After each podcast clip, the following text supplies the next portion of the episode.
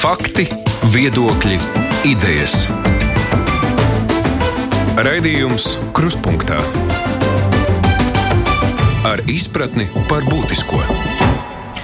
Studijā Mārija Ansona šodien krustpunktā raidījums ir projekta izmisuma zonā ietvaros, kur mērķis ir laba un pieejama paliatīvā aprūpa Latvijā. Šoreiz runāsim par atbalstu paliatīvās aprūpes pacientu tuviniekiem. Brīdī, kad tuvs cilvēks ir kļuvis gulošs un īpaši kopjams, ir jāpārkārto visa dzīve, jāsaprot, kurš būs klāt tuviniekam, kā atvieglot viņa stāvokli un vispār kā rīkoties krīzes situācijā. Kāds atbalsts informatīvs un pavisam praktisks ir nepieciešams par to sarunu šajā stundā? Izmisuma zonā - paliatīvā medicīna Latvijā. Pēta un risina raidījums Krustpunktā. Mūsu studijā šodien ir Veselības ministrijas veselības aprūpas departamenta ārstniecības kvalitātes nodaļas vadītāja Sanita Janka. Labdien! Labdien! Šeit no Labklājības ministrijas ir sociālo pakalpojumu departamenta direktors Aldis Dūdiņš. Labdien! Labdien. Organizācijas Ziedot LV vadītāja Rūta Dimanta. Labdien! Labdien! Un Saimnes sociālo un darblietu komisijas vadītājs Andris Skride. Labdien! Labdien! Skrides kungs vispirms nu, arī atceroties pagājušās nedēļas komisijas sēdi, kur arī bija runa tieši par šiem jautājumiem. Vai jūs gal galā guvāt skaidrību par atbildības jomām, kurš pirmkārt, kas ir paliatīvā aprūpe un kādas, eh, kuru ministriju pārziņā, kas īsti attiecas? Kā ir sadalīts šīs atbildības jomas, vai jums tagad ir skaidrība par šo jautājumu? Uh, jā, 11.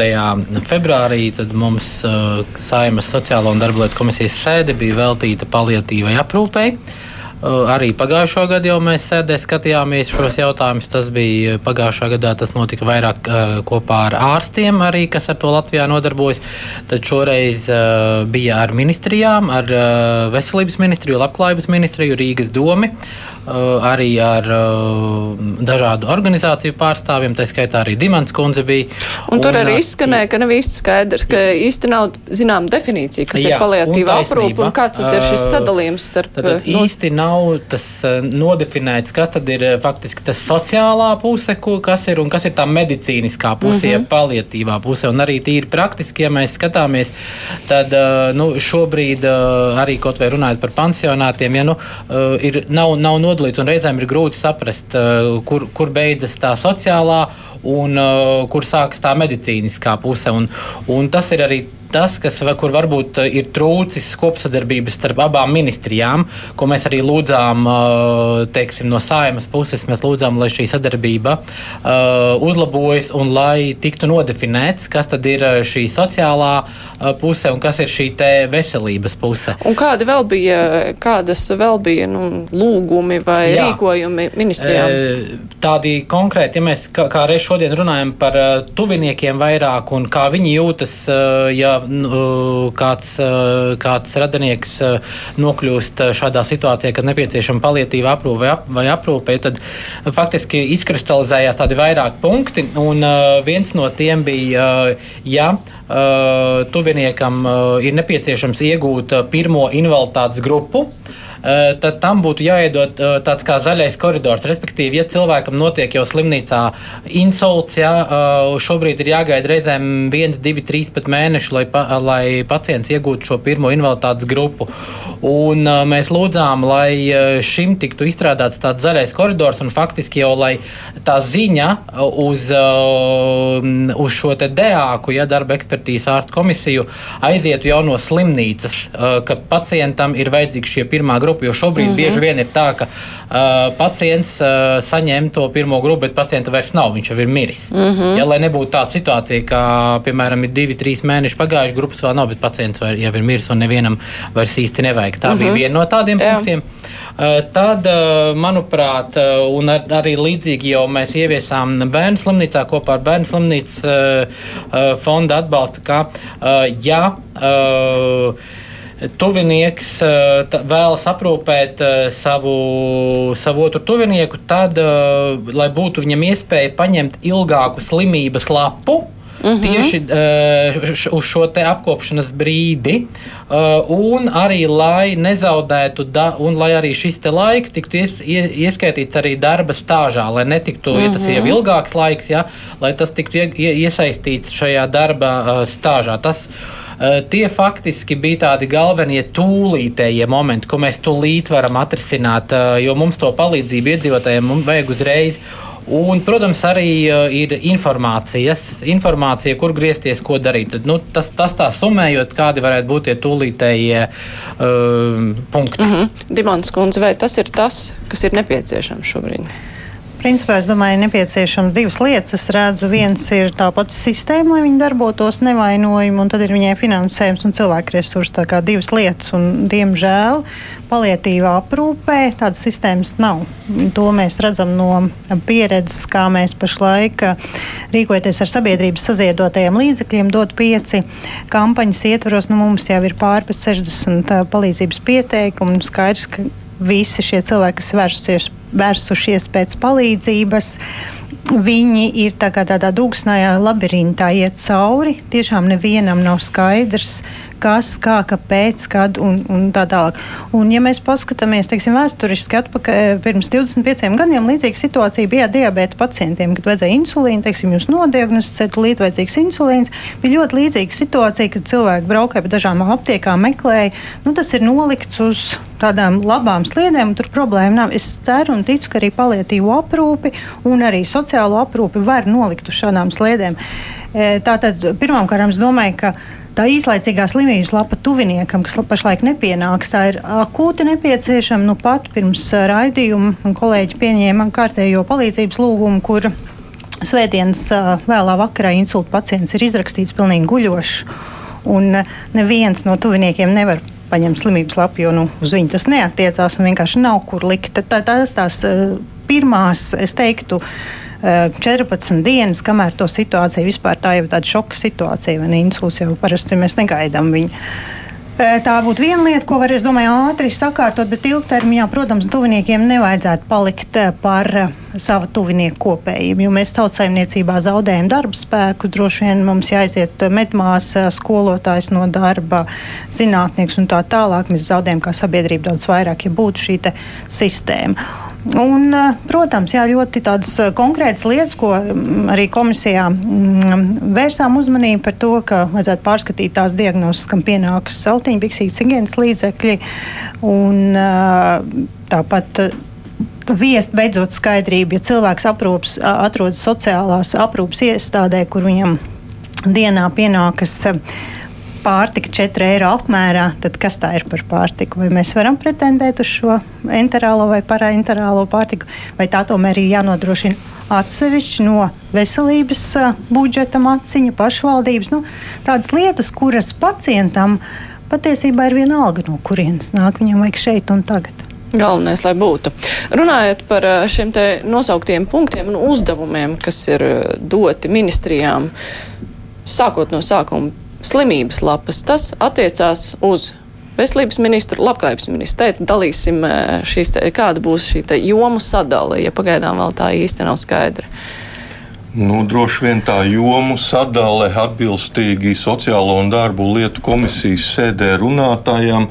Tātad marta mēnesī mēs dosimies vēlreiz, līdz tam mēs izdarīsim šo mājas darbu, un droši vien jau būs tikšanās vistuvākajā laikā, lai uzzīmētu šī te, mm, eventuālā pakalpojuma dizaina, kāds ir pats teiksim, sākums, kas tagad mm -hmm. cilvēku šis notikums notiek, kas tad teiksim, ar visām tām diagnostiskajām lietām, un pēc tam tas tālākais etaps, kas tad notiek tajā pēcstacionāra periodā. Bet, ja mēs runājam jau par šiem ļoti konkrētajiem priekšlikumiem, kas izskanēja, lai atvieglotu palietīvās aprūpas pacientu tuvinieku dzīvi un lai viņi kaut kā tiek galā ar šo jauno situāciju, konkrēts priekšlikums - slimības lapa radiniekam, kurš kops mājās šo cilvēku. Kādas ir iespējas?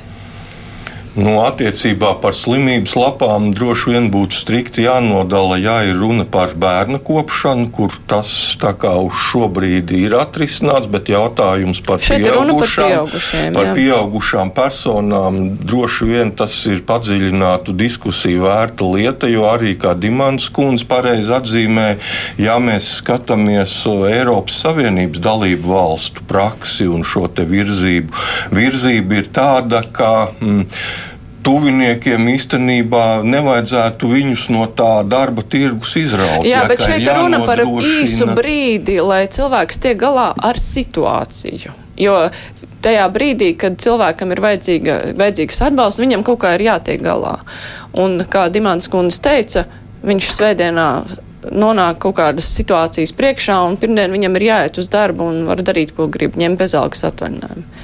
Nu, redziet, par, ja runājam par darbnespējas lapām, tas ir diezgan finanšu ietilpīgs jautājums. Un, kā jau teicu jau iepriekš, ja, nu, tur būtu šīs padziļinātās diskusijas tomēr vēl vajadzīgas, jo tas ir uh, mazliet. Atvainojos, finanšu ietilpīgs jautājums valstī, bet tad, kad mēs skatāmies, ka tas ir ģimenei ļoti finanšu ietilpīgs, tad kas ir atbilde?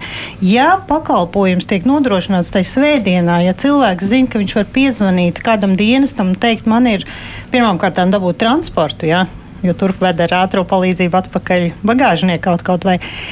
Ja ir tā sistēma, es varu piezvanīt uz tādu un teikt, man ir tāda situācija, vajadzīgs pieskatītājs kopējs un dabūt. Tad slimības lapa nav vajadzīga, jā.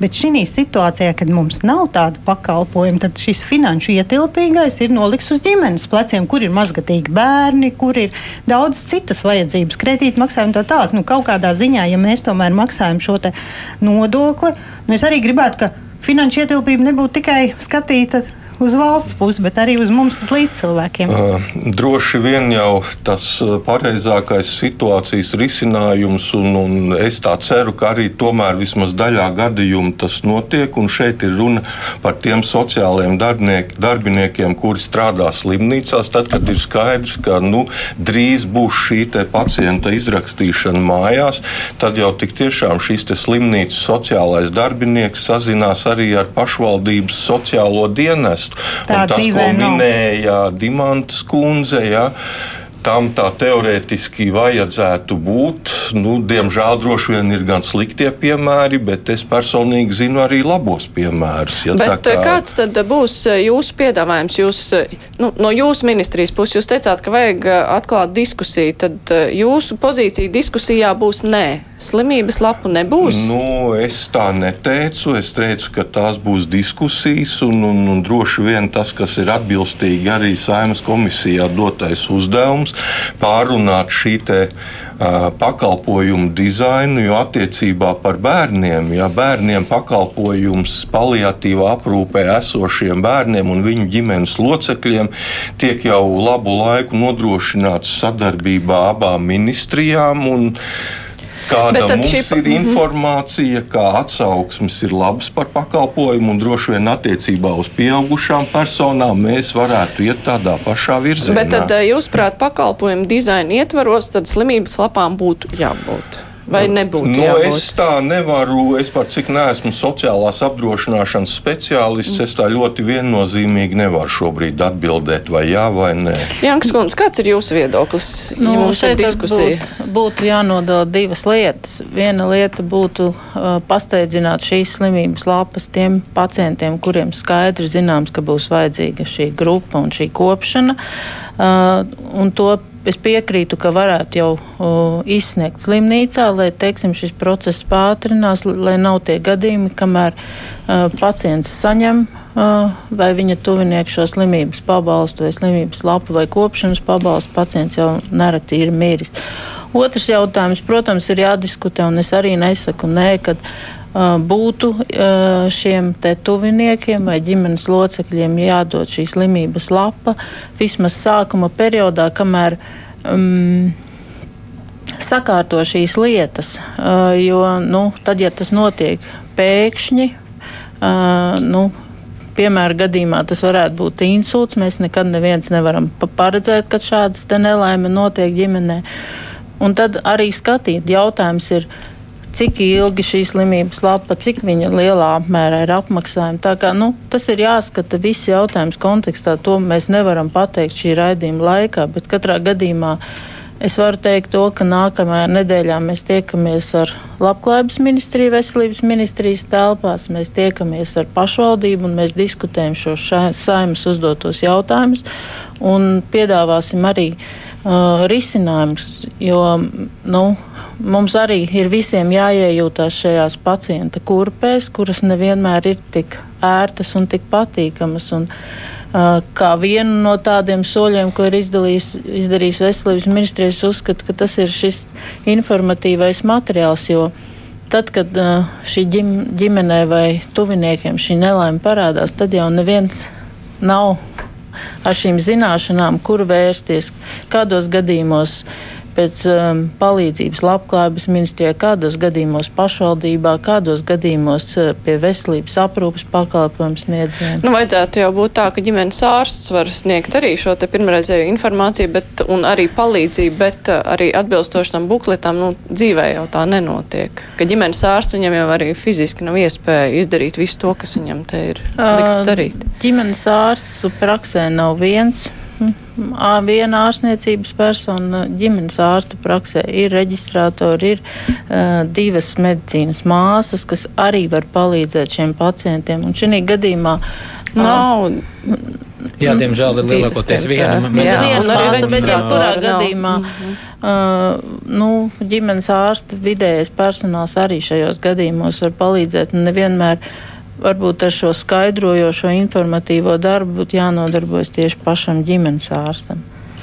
Skrītas kungs, mazliet atgriežoties, tad mm. mēs mēģinājām izķidāt šo jautājumu par slimības lapām. Mm. Jūs jau dzirdējāt uh, pirmās atbildes, vai tas ir tas, ko jūs kā komisija gaidat, vai jūs gaidat jau reālu risinājumu? Protams, ka mēs gaidām reālu risinājumu, un man prieks dzirdēt, ka nākamnedēļ ministrijas savā starpā satiekas un jau, jau meklēs kādus piedāvājumus, bet martā būs nākamā komisijas sēde, kurā tad uh, visi deputāti un arī es kā vadītājs uh, vaicāšu jau uh, konkrētus piedāvājumus, tad ok, lai ir piemēram tā slimības lapai kaut vai viņa terminē, terminēt, kaut vai divas nedēļas vai mēnesi, ja pēc vajadzības, bet šim piedāvājumam jau ir jābūt gatavam. Komisija tā tad uzstās uz to, lai būtu iespēja dabūt slimības lapu kaut vai uz dažām. Jā, lai būtu iespēja dabūt slimības lapu, mm -hmm. un lai šo pirmo, un arī lai eh, šo te, tas ir tuvinieks, ja? mm -hmm. un pats pacients, uh,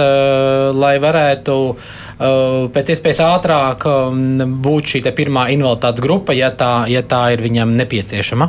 Mm -hmm. Es vēl ja varētu piebilst par slimības lapām. Kāpēc mēs bērnu vecākiem dodam slimības lapas? Tāpēc, ka bērns pats sevi nevar aprūpēt un ārstēt. Mm -hmm. Šeit ir līdzīga situācija. Ja pacients nespēja par sevi parūpēties, tad gulošs, skaidrs, ka mums ir e, nehumāni izrakstīt viņu ārā bez nekādas e, kopšanas. Tad vai nu ir piešķirts vai nu sociālā dienesta kopējs kura vai medicīna, kura nav vai, vec, vēl... vai tad radinieks. Tas, tas ir mm -hmm. tas, ka mēs runājam par to cilvēku bezpalīdzīgā stāvoklī. Nav slimības lapa jādod jādod visiem, jā, pēc operācijas. Nu, tur ir jāizvērtē, bet eh, nu, skaidrs, ka eh, e-veselību droši vien labāk nepieminēt. Bet, ja mums būtu eh, tāda laba e-veselība, kur mēs pacientam izsakot, un, un tas ārstējošais ārsts izķeksētu, ieķeksētu svētdienas vakarā, ka šis cilvēks ir gulošs kopnis, tad vajadzētu aiziet automātiskai ķēdē un nevajadzētu ar papīriem staigāt pie ģimenes ārsta, pieteikties divas nedēļas gaidīt rindā uz pierakstu. Nu, tas, tas tā, nākotne ir tomēr elektroniskajā pārvaldē. Ja? Mums vajadzētu uz to iet skatīties, kā atvieglot. Mm, Dūtiņkungs, jūs minējāt, tas ir finansiāli ietilpīgs pasākums, bet ir nojausma, nu, cik finansiāli ietilpīgs. Nu, jo tā, ar, acīm redzot, jau šīs būtu. Es jums nu, tā konkrēti nevarēšu atbildēt. Es jums varētu atbildēt, ja mēs uh, sākam pakalpojumu analoģiski, kā tas ir bērniem, ja, tad teiksim, tā finanšu ietilpība šāda rakstura pakalpojumam no labklājības puses tas būtu aptuveni 3,3 miljonu latu. Ja, ja mēs izējām eiro, eiro, jā, es atvainojos, jā, ja mēs runājam par apmēram 3 tūkstošu pilngadīgu personu šo aprūpi. Galu galā lēmums par uh, kaut kādu papildus naudu laikam jāpieņem saimai. Tomēr nu, tas vai saima to spēs izdarīt? Tas ir papildus nauda. Ir, uh, vai arī tas jāmeklē, vai arī tas jāmeklē ministrijas tas jāmeklē ietvaros? Ministrijas ietvaros mm -hmm. un mhm. tālāk, jo tas ir tā, kā saka, ikgadējais budžets, bet tā, tāds jā, jāmeklē ministrijas ietvaros, nostādot prioritātes mm -hmm. jau mhm. nākamajam budžetam. Faktiski šobrīd mums uh, ko mēs darīsim arī pavasarī. Mēs, protams, ministrijām jautāsim, kādas ir konkrētās prioritātes nāk 21. gadā budžetam, negaidot rudeni, protams. Bet ministrijas ietvaros jūs redzat iespēju to atrast? Jums jau ir droši vien nojausma, kā tur ir nauda. Uh, droši ir, jā, tāpēc es vienmēr esmu teicis, ka arī jāpārskata ir pamatbudžeti, uh, un skaidrs, ka būs uh, arī 21. gadā ekonomika mums aug uz augšu, un ja ne, nav ministrijas ietvaros, tad uh, no jaunā budžeta. Mm -hmm. Nu, es teiktu, ka mēs nevaram runāt par 3000 cilvēkiem. Mēs nezinām, cik Latvijā ir šādi pacienti. Un tas ir vēl viens jautājums, ka tai uzskaitē ir jābūt tādai. Nu, adekvātai. Skaidrs, ka tas ir ļoti mainīgs uh, skaits, un uh, bieži vien šie cilvēki nenodzīvē ilgāk, varbūt par trim, četrām dienām pēc uh, teiksim, smagas kaut kādas uh, vai avārijas, vai, vai pēkšņi insulta vai infarkta. Kā, nu, tas ir tāds plūstošs skaits, un es domāju, ka mēs tikai pēc pirmā gada, kad tiks ieviests kaut kāds pilotprojekts, varēsim vispār aptvert, cik daudz tādu cilvēku ir. Bet nu, 21. gadsimtā man tas liekas diezgan traki, ka mēs nezinām. Jā, bet. Uh... Savukārt, runājot par pātrināto invaliditātes piešķiršanu, cik es saprotu, ka tur šo jautājumu varētu diezgan strauji un vienkārši atrisināt. Es domāju, ka jā, jo šo, mums ir jāizstrādā, kādā veidā tas notiek. Šī gadījumā nevis būtu jāgaida, kamēr to izdara ģimenes ārsts, bet jāskata, ka to jau var darīt slimnīcā. Kas attiecas no veselības ministrijas puses, tad mēs centīsimies mm. šo laiku saīsināt. Jo, uh, Šī gadījumā ne tikai pati slimības lapas pabalsts saslimušajam pacientam, bet arī šie kopšanas pabalsti, kas ir nu, atspējas ģimenei, iegādāties nepieciešamos līdzekļus, lai šo pacientu koptu mājās. Tas, ko nu, pat pieminēja Dimants kundze par to, ka mēs jau skaidri nemaz nezinām, cik daudz ir šo pacientu. Ministrija arī nav tādas nojausmas, uz cik cilvēkiem tas varētu attiekties. Nu, precīzu skaitli es jums šodien. Nu, pat ne precīzi, bet kaut aptuveni. Šādus aptuvenus skaitļus mēs, protams, varam iedot, vienīgais šis skaitlis nemitīgi mainās, jo nāk klāt jauni pacienti, un šis skaitam ir tendence palielināties, jo tādēļ, kad arī še, kā piemērs ir bērnu paliatīva aprūpe, kur saņemot šos pakalpojumus, ar katru gadu palielinās to bērnu skaits, kas sasniedz 18 gadus. Tas ir viens no arī no mūsu ministrijas uzdevumiem un prioritātēm, kā uh, veikt šo pāreju no bērnu paliatīvās aprūpes uz pieaugušo paliatīvu aprūpi. Un šeit mēs diskusijās ar Labklājības ministriju um, tāds um, nu, liela lieta, kas iztrūk, ir tieši šī psihosociālā palīdzība ģimenēm. Bet, uh, tomēr runājot par uh, šiem skaitļiem, nu, uz kaut kā domājot arī par uh, paliatīvās, paliatīvās aprūpas pacientu gultu skaitu. Uh, gan īslaicīgo, nu, jā, viss jau ir īslaicīgs. Nu, jūs taču balstāties uz kaut kādiem datiem par to, cik cilvēkiem tas būtu nepieciešams. Nu, šī gadījumā šo paliatīvo aprūpi mēs skatām kontekstā ar hronisko un aprūpas pacientu gultām, un tā skaitā arī ar mājas aprūpi. Jo tad, ja mēs reorganizējam vai pilnveidojam paliatīvu aprūpi, tad mums ir jāskatās arī šie divi lielie bloki. Šī stacionārā aprūpe, kur būtībā gan paliatīvā aprūpē, gan aprūpes gultās un kronisko pacientu aprūpē, šis pakalpojuma apjoms varētu būt identisks vai līdzīgs. Uh, vienīgais nu, ir tas uh, atšķirība, ka palietīvās aprūpes pacienti nav izārstējami. Tāpat arī mājas aprūpē ir ne tikai palietīvās aprūpes pacienti, bet pacienti ar hroniskām saslimšanām. Un, uh, šeit mājas aprūpē mums būtu svarīgi tas, ka šie pakalpojumi visā Latvijas republikā tiktu nodrošināti vienā kvalitātē, vienā mm. apjomā un visas dienas nedēļā. Bet tad īsti nav skaidri nodalīts, tad, kur ir paliatīvie pacienti un kur ir hroniskie pacienti, jo nu vienā brīdī viena kļūst par otrajiem.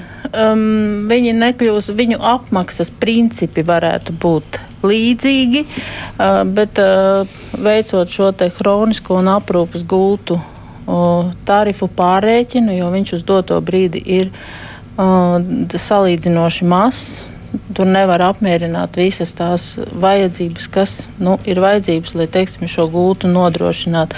Uh, šeit mēs esam domājuši, ka mēs uzsāksim konkrēti paliatīvās aprūpes pacientu kodēšanu, lai jebkurā laikā no sistēmas mēs um, varētu dabūt datus, cik mums ir šo pacientu, ar kādām diagnozēm, cik viņi ilgi ārstējas un cik ir viņu izmaksas. Mm -hmm. Ir ko piebilst?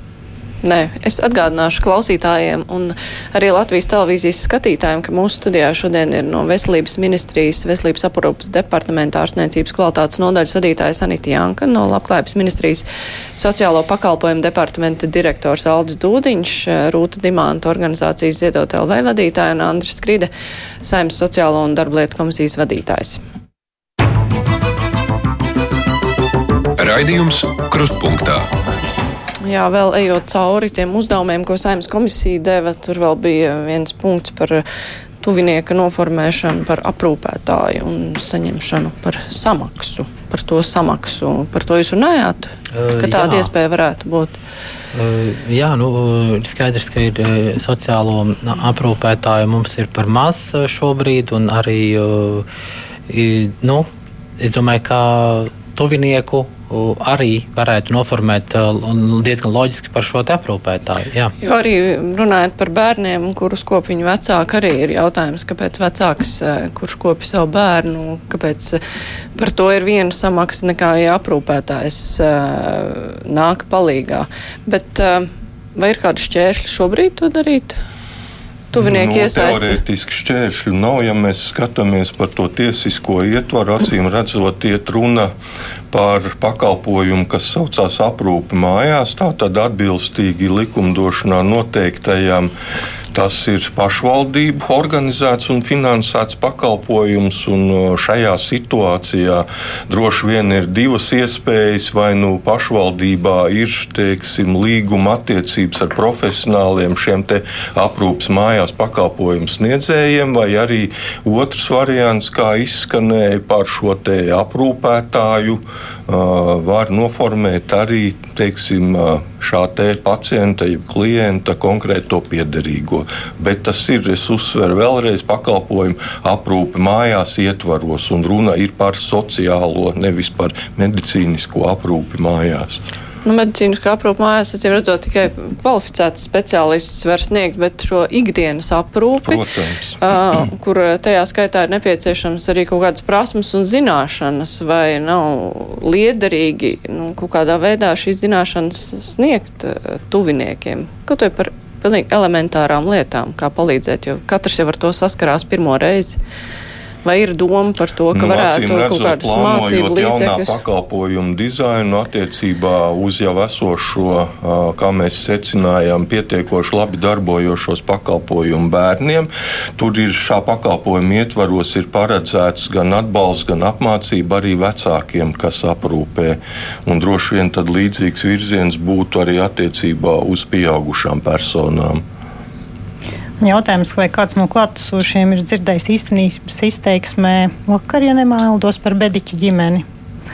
Es ieteiktu visiem noklausīties, jo tad mēs nerunāsim par gultām, par gadījumiem, par dizainiem, bet tur ļoti skaudri parādās, kā sieva kopja vīru, kuram ir multiplā skleroze. Es nezinu, vai tā būs kroniska slimība vai paliatīva, bet nu, simptomi ir vienādi, viņš ir gulošs. Un, un tur tā īsais stāsts ir tāds, ka nu, viņš jau slimo vairākus ja nemaldos, piecus gadus. Tad, kad viņam vajadzēja ratiņkrēslu, riteņkrēslu, viņš iestājās rindā, kad rinda pienāca, cilvēks bija jau kļuvis gulošs. Kad sieva bija noformējusi. Viņam vajadzēja par, pacēlāju. Nē, ratiņkrēslu tieši -hmm. krēslu. Arī jā. otrā gadījumā bija pacēlāja. Mm -hmm. Jā, pacēlāja tieši tā. Un, un tur arī tad, kad sieva bija noformējusies par šo mājas aprūpes sociālo pakalpojumu sniedzēju, viņai stundas noņēma, jo viņa ir sieva. Nu, dzīvē ir, ir jāklausās, kā tie cilvēki reāli dzīvē dzīvo un savēlkot ļoti daudz šādus gadījumus, mēs izkristalizēsim īstās problēmas. Un es teiksim, varētu teikt, ka droši droši var nākt uz šo te dod pieci programmas ēnošanu ziedot LV birojā. Mēs katru dienu saņemam šo cilvēku stāstus, reālus dzīves stāstus. Un, godīgi sakot, mēs esam daudz pieredzējuši. Man acis ir uh, slapjas no tā, ko es dzirdu. Es, mm, tas izmisums, kādā nonāk ģimenes, ir neaprakstāms. Tas tiešām ir neaprakstāms. Mēs tā vienkārši nedrīkstam noskatīties, jo viņi ir mūsēji, mums ir tik maz. Un, un tas neprasa tik daudz, tas prasa tiešām to ieinteresētību. Gan ģimenes, sākot jau no slimnīcas, gan ģimenes ārsta, gan sociālā dienas un spēju strādāt kopā. Es nezinu, vai jūs dzirdējāt to vakardienas sižetu, bet jā, šis moments, ka sieva saņem mazākas aprūpas stundas, tāpēc, ka viņa ir sieva. Tas ir taisnīgi. Nu, es to tā nevaru nokomentēt. Tā šobrīd, ja ir vienkārši mazliet padziļinātāk jāpainteresējās. Un, un es pēc raidījuma ar Dimānu skundzi aprunāšos un noskaidrošu, kas tur pa situāciju. Bet nu, šeit viennozīmīgi ir runa attiecībā par pašvaldības sniegto un finansēto pakalpojumu. Ja iet runa par valsts, ja valsts finansē un pašvaldības valsts nosaka noteikumus, kādā veidā tas ir ir jānodrošina. Ne, attiecībā par aprūpi un par šādām teiksim, stundas tarifa likmēm un to, to valsts neregulē. Valsts regulē attiecībā par asistentu pakalpojumiem. Tas ir mazliet kas cits. Bet vai valsts nevar regulēt, kā principā ir jāsniedz šāds atbalsts? Nu, kā šī kārtība ir, kāda ir kārtība vienota visā Latvijā? Visā vi Latvijā vienota kārtība ir noteikta attiecībā par sociālo pakalpojumu saņemšanas principiem. Tātad tas kā likums, tas sākuma posms ir cilvēka ārstējošā, jo visbiežāk tas ir ģimenes ārsta. Šis atzinums, ka cilvēkam ir viena vai otra slimība, kuras dēļ viņš nespēja sevi aprūpēt, tātad nodrošināt pašaprūpi. Tad, teiksim, iesaistās sociālais dienests pašvaldības, kurš jau tad kurš jau darbojās pēc saviem ieskatiem. Kurš tad lemj par kādu, teiksim, pakalpojumu droši vien varētu būt runa vai par pakalpojumu aprūpe mājās vai par pakalpojumu ilgstošās sociālās aprūpes institūcijā, jeb kas pazīstam ar nosaukumu pansionāts. Tā tad ir šī sociālā dienesta izvērtējuma rezultātā tiek pieņemts tas lēmums par attiecīgā pakalpojuma nodrošināšanu. Un tur jau, protams, ir tāda diezgan komplicēta tad, uh, lieta, kas tad par kuru pakalpojumu maksā, bet ja mēs runājam par pakalpojumu aprūpi mājās, un es vēlreiz uzsveru no sociālās aprūpes jomas, tad tas ir viennozīmīgi pašvaldības finansēts un organizēts pakalpojums. Mhm. Un tagad iedomājieties tā sieviete, kas pie šodien pie mums atnāca pēc palīdzības lūguma, kam svē, svētdien bija pēc divu dienu atrašanās slimnīcā insulta pacients, tuvinieks izraksti, izrakstīts, ko viņa no šī, ko mēs te runājam, saprot un ko viņai darīt. Lūdiņkungs. Ja jūs varētu sniegt kādu īso atbildi cilvēkiem, kuriem īsā atbilde ir tāda, ka, nu, acīm redzot, jau mhm. tad, tad, kad šajā situācijā, teiksim, jau notiek vizīte jau slimnīcā pie savu piederīgā, nu, droši vien jau slimnīcas sociālais darbinieks var informēt par sociālo mhm. jomu, un arī tas, kas ir noteikts likumdošanā, pats pirmais un pats galvenais pienākums pašvaldības sociālam dienestam ir cilvēku informēšana par to, kur un kā un kāda veida palīdzību ir iespējams saņemt. Nu, labi, nu, tad mēs atkal saskaramies ar to, ka, jā, ka šeit ir tās divas eh, nozares iesaistītās eh, veselības aprūpe un sociālā, sociālā joma slimnīcas. Jā, tad šeit tiek pieminēts, nu, ka slimnīcās būtu jāsniedz informācija. Vai tas tiek darīts, vai tas ir pietiekoši? Vai cilvēks, kurš eh, nonāk eh, stundā X ar savu pacientu burtisku uz rokām, kurš viņam palīdz? Nu, ja runa ir par slimnīcām, tad noteikti tas ir eh, tas ārsts, kas um, sniedz šo pirmo palīdzību. Un, mm, Es nevaru apgalvot, ka vienmēr. Tas ir viņa pienākums, un ja viņš to nedara, Nu, par šo jautājumu mēs, protams, arī varam ar slimnīcām runāt, un mums tas ir jādara. Jo mums ir jāpaskaidro, ko šiem pacientu piederīgiem darīt tālāk. Vismaz varbūt neskaidrot sīkumos, varbūt neskaidrot normatīvu aktu prasības, bet lielos vilcienos pateikt, jums ir jākārto. Uh, invaliditāte, jums ir jāiet uz diāku, šeit jums ir tas, tas.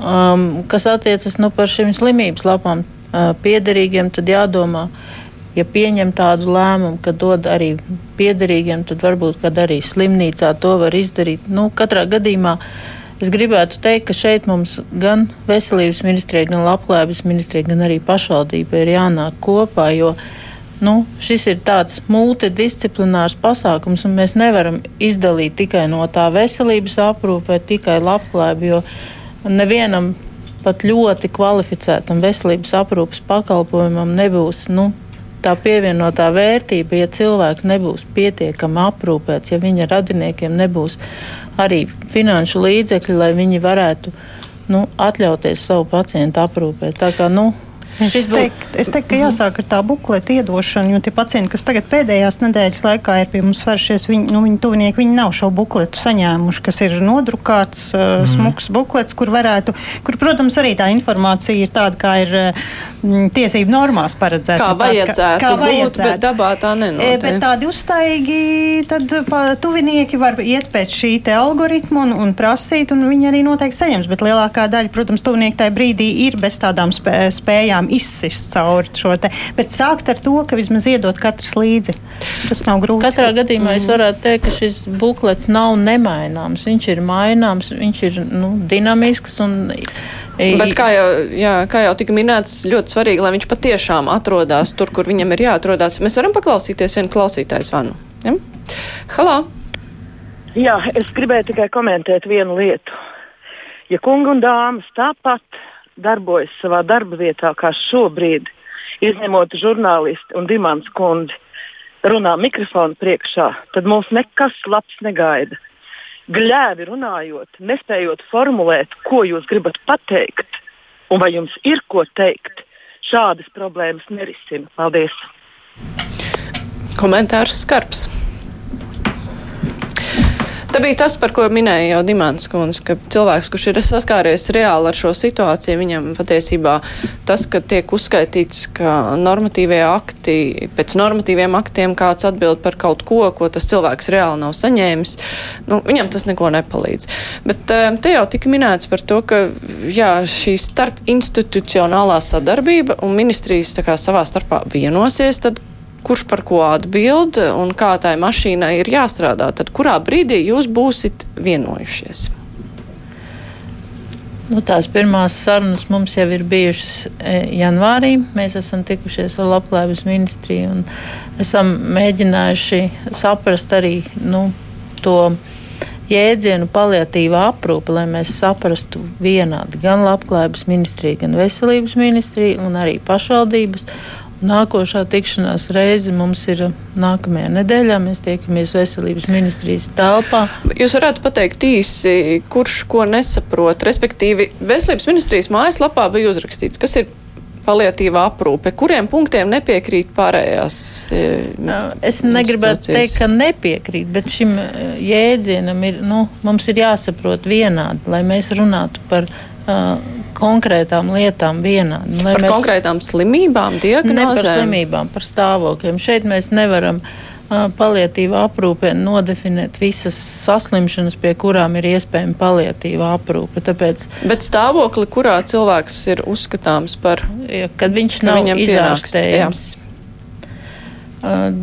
Tas, tā, tas tā kā būtu tāds no viena uh, punkta skatoties, bet nu, jebkurā gadījumā mums arī svarīgi nu, ņemot vērā, ka mums budžeta līdzekļi ir tik, cik ir, tad lai katra ministrija maksātu par to, kas ir viņas kompetencē vai viņas laukā.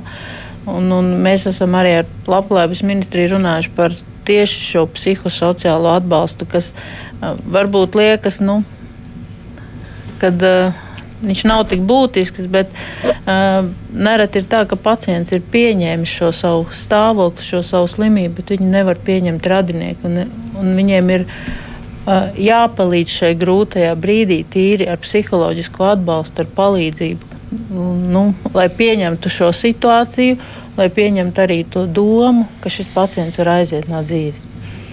Un ne tikai psiholoģiski, bet arī praktiski. Nu, Dimants kundze.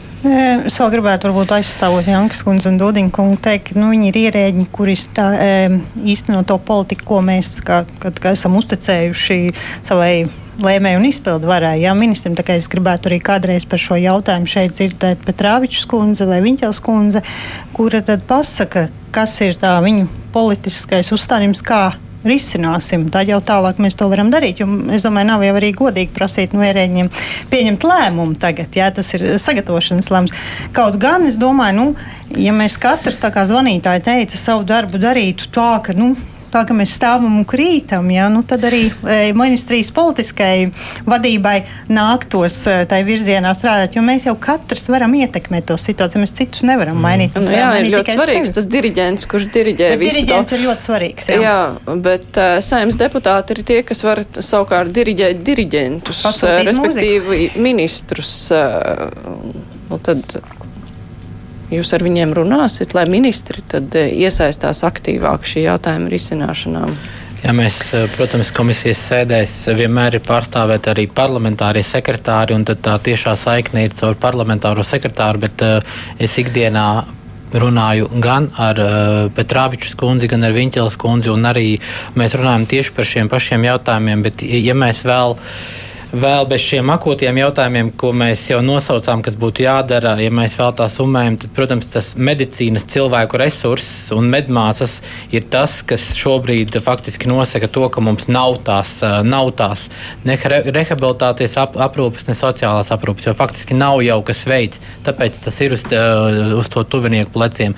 Jo kamēr Tā ir atkal vecā dziesma, kamēr tā medmāsa saņems tos 3-4 eiro par stundu, tikmēr mums viņu nebūs. Nu, mums nav viņu, mums nav 7-10 tūkstoši medmāsu. Un ja mēs vēl nākamgad atkal šogad pielika par 10% šo algu, ja nākamgad atkal nepieliks, ja, tad mums būs arvien mazāk un mazāk. Tas ir viens. Otrs, mums nav uh, arī faktiski, mums ir lielās slimnīcas divas, uh, trīs, ja faktiski Rīgā, un uh, ja mums pacients, uh, pa, ja radinieks pacients nav gatavs ņemt mājās, kas ir loģiski bieži vien pie smagām saslimšanām, ja, tad mums nav arī fiziski, kur šo pacientu bieži vien aizvest tādā kā rehabilitācijas, ja kā sociālā, medicīniski sociāla iestāde, teikšu to tā. Rīgas eh, pirmajā slimnīcā ir uh, eh, 140 gultas vietas, ja, un tur ir tik 60 cilvēku un vairāk rinda nemitīgi, ja, ir vairākiem desmitu cilvēku. Un tas ir uz vienu mēnesi ilgākais. Tieši tā, tā kā es jums teikšu tā, šie jautājumi, plus tas medicīnas resursi cilvēki un plus uh, uh, šāda vieta, slimnīca uh, zemāku terciāru, ar zemāku līmeni, nevis terciāru Rīgā. Man nav varbūt tāds konkrēts jautājums. Nu, skaidrs, ka tuviniekam piekdienā, svētdienā mm. piezvan, mm. viņš ņem ārā savu pacientu, bet ja viņš neizņem savu pacientu, savu tuvinieku ārā, jo tad, kad e, tad pacients atnāk mājās, jā, mm. teiksim, un meklē iespēju viņam atrasties paliatīvā mm. gultā, slimnīcā vai sociālā gultā, ir jāgaida ļoti ilgi. Bet ja mēs neatnākam pēc sava tuvinieka, un viņš paliek stradiņos, nu, kas nav, notiek? Es strādāju arī projām, un neviens nav izmests. Tiešām neesmu redzējis nevienu nekad, ka viņš tiktu izmests ārā, jā, bet kas gan ir mazliet nepareizi ārsts, bieži vien ir tas, kas kārto so, šos sociālos, jo paralēli ārstniecības darbam ārstam vēl ir jādara sociālais darbs, ir jāmeklē bieži vien eh, tā vieta, kur pacients uh, tiks pārvests, jāmeklē rehabilitācija, nav tās saiknes starp to akūto un kaut vai neiroloģijā un kaut vai to uh, tālāk rehabilitāciju. Bet, ja tā notiek, notiktu masveidā, ko mēs Bet, darītu? Jā, jā kur tad tas sociālais Tagad... dienests slimnīcā vai viņš nepārņem Soci... viņu? Sociālais dienests ir nu, pāris darbinieku, nu, tā kapacitāte sociālā dienesta slimnīcas ir maza, ļoti maza. Nu, jādomā. Un bieži vien viņu arī viņu pašu rokas ir nu, par īsām. Ja viņiem, ja sociālajiem dienestam nav, uh, piemēram, pirmajā slimnīcā tālāk vietas, nu, tad viņas arī nav. Tad mums ir tāpēc arī tas trešais uzdevums bija, ko es lūdzu, ir uh, strauji domāt par uh, tiešām šādu, par šādas te uh, mazākā līmeņa slimnīcas Rīgā izveidi. Nu, viss, nu, tur jau nav daudz ko domāt. Nu jā, es nezinu, vai pēc šī, šīs replikas neparādīsies šādi gadījumi, kad kāds eksperimentālā kārtā atstās pacients slimnīcā, jau gal galā ne, drošā nav, vietā. Uh, vienmēr jau ir tā, ja, ja kāds, cik es esmu redzējis, un ja kāds tuvinieks lūdz, vai, vai es domāju, ka jebkurš ārsts un jebkura medmāsa iet uz sadarbību, un ja kāds tuvinieks lūdz, ka, piemēram, nu, lai, lai tas cilvēks ir vēl vienu, divas, trīs dienas, nav nekad tā, ka nē, mēs metam ārā. Es nu personīgi nu tā nekad neesmu darījis. Ceru, Bet, tuvojoties mūsu sarunas noslēgumam, mhm. Dimants kundze sākumā minēja, ka nu, tas graujošākais ir tas sistēmas trūkums. Mm -hmm. Un ļoti būtiski ir izveidot sistēmu un tad to visu nolikt uz labajām sliedēm, un tad tā mašīna lēnām ies uz priekšu. Jā, varbūt, ja naudas ir mazāk, tad nu, tas darbojās trūcīgāk, ne tik labi, bet vismaz lai kaut kas iet uz priekšu, sistemātiski iet uz priekšu. Cik tālu mēs esam līdz šādai sistēmai? Tagad jūs minējāt, ka būs tikšanās, arī tiks definēts, kas ir tieši, nu, kurš par ko atbild paliatīvajā aprūpē, bet, nu, jūs varētu noraksturot Cik tālu mēs no tā esam? Nu, Un droši... ko jūs darīsiet, lai, jā, kādi ir nākamie soļi, lai to izveidotu? Kas attiecas nu, tīri veselības ministrijas kompetences jautājumu. Bet jums ir jāskatās jau kompleksi. Mēs skatāmies mhm. kompleksi mm -hmm. kopā gan ar labklājības ministriju, gan ar sociālo um, dienestiem, tā skaitā pašvaldībām, gan arī tie uh, jautājumi, kas mums ir jāatrisina veselības ministrijas iekšēnē. Tātad tā ir uh, um, mājas aprūpe, tā ir chronisko pacientu aprūpe un aprūpes gultas. Tā ir ārstu apmācība paliatīvajā aprūpē, un tā būs arī apmācība ārstiem um, par enterālo, parenterālo barošanu. Jo, kā jau ir izskanējis, tad no 1. jūlija ir plānots ieviest šo pakalpojumu. Šeit mums arī ir ļoti daudz darba, lai mēs izstrādātu pacientu ceļus, kā pacienti varēs saņemt šo pakalpojumu, kas ir jādara ģimenes ārstam, kā viņam kontrolēt.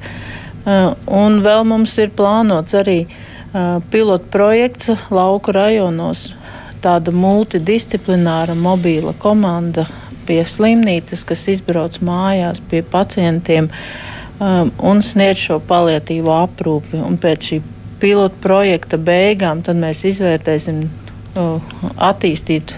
Uh, nu, citās vietās izvērtēsim arī tos trūkumus, kas nebija tā, kā vajag, ko varbūt nevajag tik daudz. Kā, uh, šis pilota projekts plāno nu, sākties vasarā pavasara beigās. Un labklājības ministrija no savas puses? Nu, papildinot kolēģi, tas ir viss tā, kā mēs no šī te, teiksim, projekta mācīsimies kopā un domāsim, kā labāk to visu izveidot.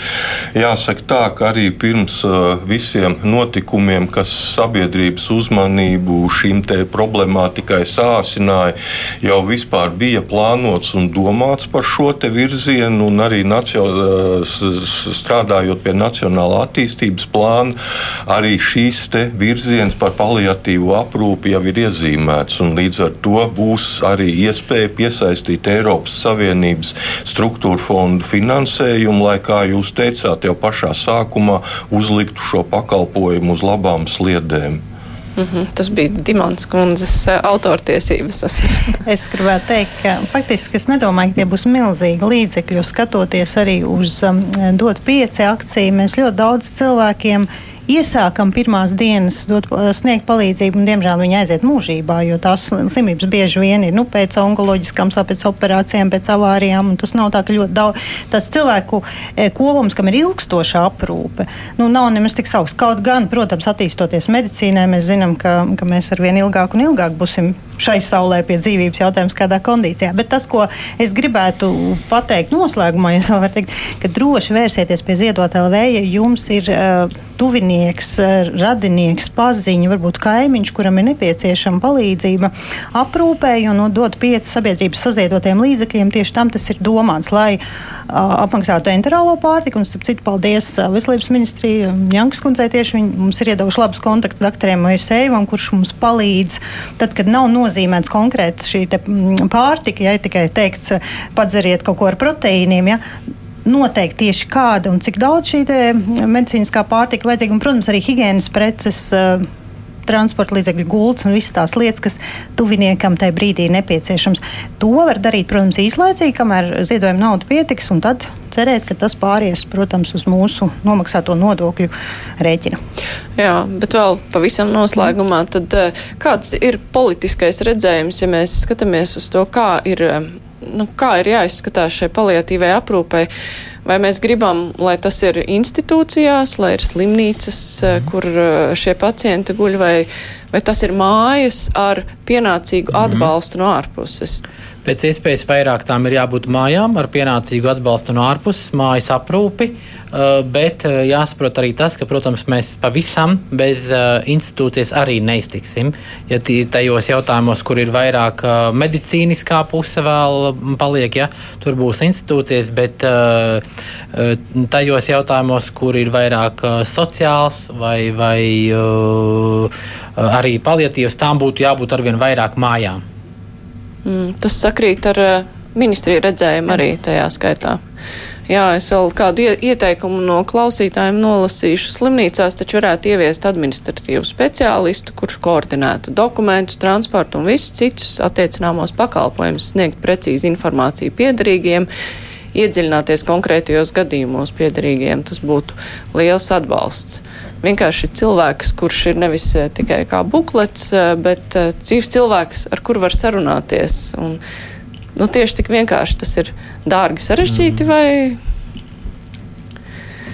Es domāju, ka tas nav dārgi. Nu, par šo jautājumu mēs varam domāt, jo šeit jau nav jautājumu tikai kas saistīti mm. ar veselības aprūpi. Šeit ir jautājumi saistīti. Un varbūt šis arī ir viens no tiem jautājumiem, ko mēs varam skatīt kopumā starpinstitucionāli. Mm -hmm. Jā. Skrīdis kungs, no tā, ko jūs dzirdējāt, jūs esat apmierināti ar to, cik aktīvi viss notiek, vai vēl bakstīsit ministrijas? Uh. Ministrijas, protams, ka mēs, kā jūs sakāt, bakstīsim un turpināsim to darīt. Un mm -hmm. paldies arī, protams, jums, ka gan Evijai Junāmai, gan Rūtai Dimantai, visiem arī žurnālistiem, kas faktiski aizsāka šo te uh, palietīvās aprūpes problemātiku Latvijā. Jā, un, protams, ka mēs to turpināsim. Tāpēc jā, ir jātur rokas pulss. Un jo vairāk žurnālisti ar to nodarbosies, jo droši vien arī rezultāts būs labāks. Es saku paldies studijas viesiem. Šodien eh, kopā ar eh, mums bija Veselības ministrijas veselības aprūpas departamenta ārstniecības kvalitātes nodaļas vadītāja Sanita Janka. Šeit bija Labklājības ministrijas sociālo pakalpojumu departamenta direktors Aldis Dūdiņš. Šeit arī bija organizācijas Ziedot LV vadītāja Rūta Dimanta kā arī Saimnes sociālo un darba lietas komisijas priekšsādātājs Andris Skrīde. Rīta kruspunktā mēs runāsim par jautājumiem, kas ir saistīts ar ierēģiem, saistībā ar ministriju valsts sekretāru vēstuli augstākajām valsts amatpersonām par viņu bažām, ka ierēģņus var politiski ietekmēt, ar viņiem var politiski izrēķināties. Tad, ja viņi, piemēram, nepilda kādus ministra mutiskos rīto, rīkojumus, mēs runāsim gan par to, kā aizsargāt ierēģņus, gan arī par to, nu, kā valsts uzņēmumu padomēs, lai arī tur nebūtu politiskā ietekme, jo, kā zināms, bija skandāls arī saistībā ar šo. Savukārt, raidījums kruspunktā šodien izskan to producēja Evi Junāma, studijā bija Mārija Ansona. Visu labu, mēs tiksimies arī rīt kruspunktā. Izmisuma zonā - paliatīvā medicīna Latvijā. Pēta un risina raidījums Krustpunktā. Fakti, viedokļi, idejas. Raidījums Krustpunktā ar izpratni par būtisko.